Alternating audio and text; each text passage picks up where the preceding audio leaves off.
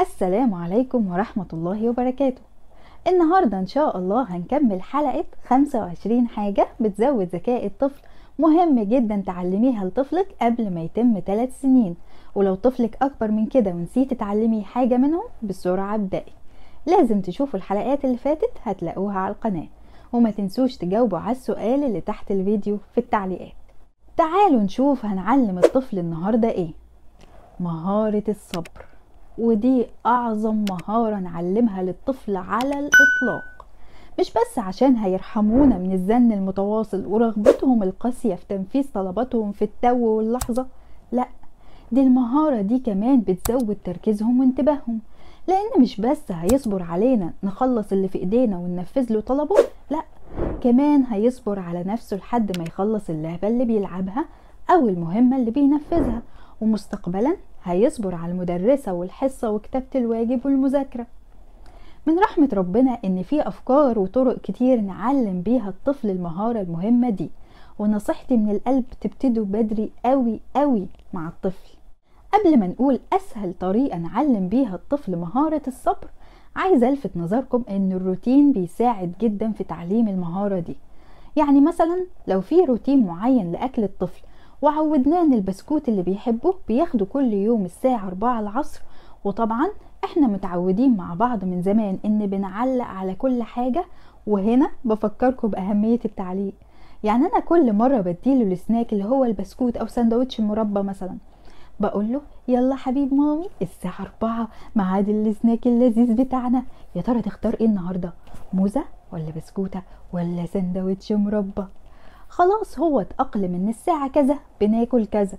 لو طلب مثلا بسكوت في ميعاد الغدا هقول له لا إحنا بناكله الساعة أربعة في السناك لكن وقت الغدا الساعة اتنين بناكل رز وفراخ. طبعا رد الفعل المعروف. آه. أنت فعلا بتحب السناك قوي ونفسك تاكله طول الوقت. نفسك تفطر بيه وتتغدى بيه وتتعشى بيه كمان. مية في المية هيسكت ويبصلك بس إحنا متفقين ان لازم ناكل الغدا رز وفراخ عشان نكبر قوي ونقدر نلمس السقف. وأوعدك أول ما تبقى أربعة هديك السناك بتاعك بسرعة جدا. ولا أديهولك بالراحة. ولا أديهولك الساعة خمسة. نو مامي الساعة أربعة بس. وبسرعة قوي قوي كمان. عشان أنا بحبه قوي وهخلصه كله. بس أنا دلوقتي هاكل رز وفراخ مقرمشة. وأخلصها عشان أكبر قوي وأعرف أسوق العجلة. طبعا أنا بتكلم وبرد على نفسي. هو ما قالش حاجة. هو بس باصص لي ومتنح. تختار نحط الرز في الطبق ده ولا الطبق ده؟ أنا أختار ده. أنت تختار مين؟ الله تصدق ده حلو قوي ولونه جميل. طيب الفراخ هنا ولا هنا؟ وكملي الحوار بقى بنفس الحماس وربنا معاكي. كل اللي عملناه في المثال بتاعنا هو اللي بنشرحه في كل الفيديوهات. اعترفنا بمشاعره ووصفناها واحترمناها. رفضنا بطريقة لطيفة ونفذنا القوانين ما تنزلناش عنها. شتتنا انتباهه بطريقة ظريفة. طيب لو استمر في البكاء أعمل إيه؟ أستمر أنا كمان في تهدئته وأعرض بدايل مختلفة. بس مهما حصل ما ينفعش أكسر القانون بتاعنا وأقدم له السناك في غير ميعاده لأن ده يعلمه إن يبكي كل مرة لحد ما يكسرنا. عارفين إيه كمان ممكن يساعدنا؟ المنبه أو التايمر. بس الأول لازم نعود الطفل عليه قبل ما نستخدمه في مهارة الصبر. يعني وإحنا بنلعب عادي جدا أوريله المنبه وأحكي له عنه وأفهمه إن ده بيرن لما يجي ميعاد حاجة وندي عليه أمثلة عملية كتير. مثلا لما المنبه يرن هنلعب بالكورة لما يرن هنشرب مية وهكذا لحد ما يستوعب فكرته. وبعدين نبتدي نستخدمه في تعليم مهارة الصبر. نرجع لموضوعنا. عايزين بقى نمط صبر الطفل واحدة واحدة لحد ما ربنا يكرمه ويوصل لمرحلة المنطق ويدرك إن في أولويات وفي حاجات تانية في الحياة غيره. نعملها إزاي دي؟ هي سهلة جدا وممكن تنجح في خلال أيام بس لو اتعملت صح. أول حاجة عايزين نتجنب الغلطة الشهيرة دي. مامي عايز عصير. حاضر حبيبي ثانية واحدة أغسل إيدي من الصابون وأديلك عصير. لا دلوقتي. آه. حبيبي دقيقة واحدة إيدي مش نظيفة. لو فضلت تعيط مش هديك عصير خالص. آه الصريخ بقى لما لا نهاية.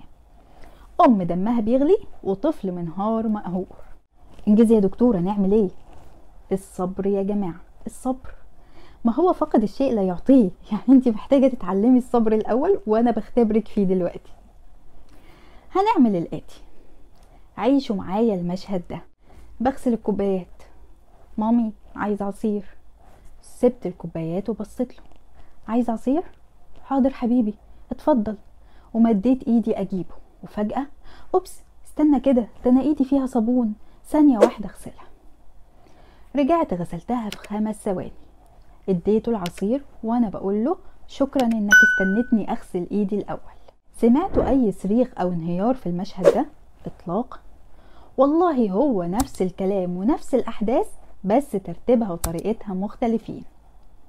هي دي الطريقة العظيمة بتاعتنا. وكل مرة هنزود وقت الانتظار خمس ثواني. فكرتها إن إحنا نحسس الطفل إن خلاص كنا هننفذ طلبه حالا في التو واللحظة. بس أوبس في حاجات غصب عننا عطلتنا شوية ولازم نشكره على انتظاره عشان يدرك اللي حصل.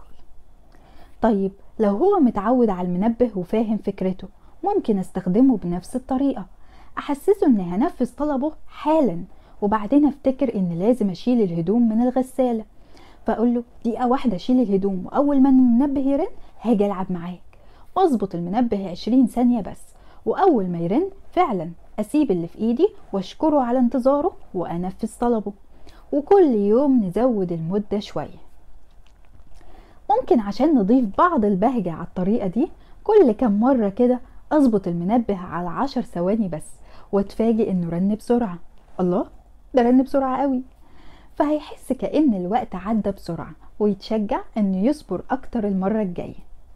ولو ما بنستخدمش منبه نضاعف طلبه كمكافأة كل فترة كده. أنت انتظرت بصبر جميل قوي المرة دي بدون زن أو عياط. عشان كده هتاخد بسكوتين بدل بسكوتة واحدة. فهيحس بالسعادة إن أوقات الصبر بيخلينا ناخد أكتر ما كنا متوقعين ودي حقيقة.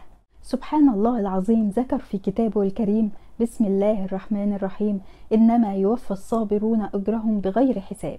يعني بياخدوا أكتر بكتير من اللي بيستحقوه مش على قد صبرهم بس. لو نفذنا ده يوميا في طلباتهم في خلال أسبوع هتلاقي إنسان الكهف اللي عندك بقى قادر ينتظر دقيقة أو اتنين كمان بدون ما يعذبك تعذيب قوم قريش. وما تقلقوش اطلاقا الطريقة دي مش مستفزة ولا بتضايقهم. يعني مش بنعشم الطفل وبعدين نخل بيه لأن في الآخر بياخد اللي هو عايزه. هضرب لكم مثال. تخيلي كده وانتي في السوبر ماركت طلبتي من الكاشير يديكي لبان من جنبه. ولسه بيلف يجيب اللبان القلم وقع منه. فقالك ثانية واحدة بس أجيب القلم. هتتضايقي؟ هتزعلي إن هو سابك وطنش طلبك مثلا؟ بالعكس أنت متأكدة مية في المية إنه هيجيب القلم ويرجع يديك اللبان اللي أنت عايزاه. هو ده نفس وضع الطفل بتاعنا. وعشان كده يا مامي خليكي دايما قد كلمتك واوعي ابدا في مرة تخدعي الطفل وتصبريه على الفاضي. لأن مية في المية هتكسري ثقته فيكي وبعدها هتندمي أشد الندم.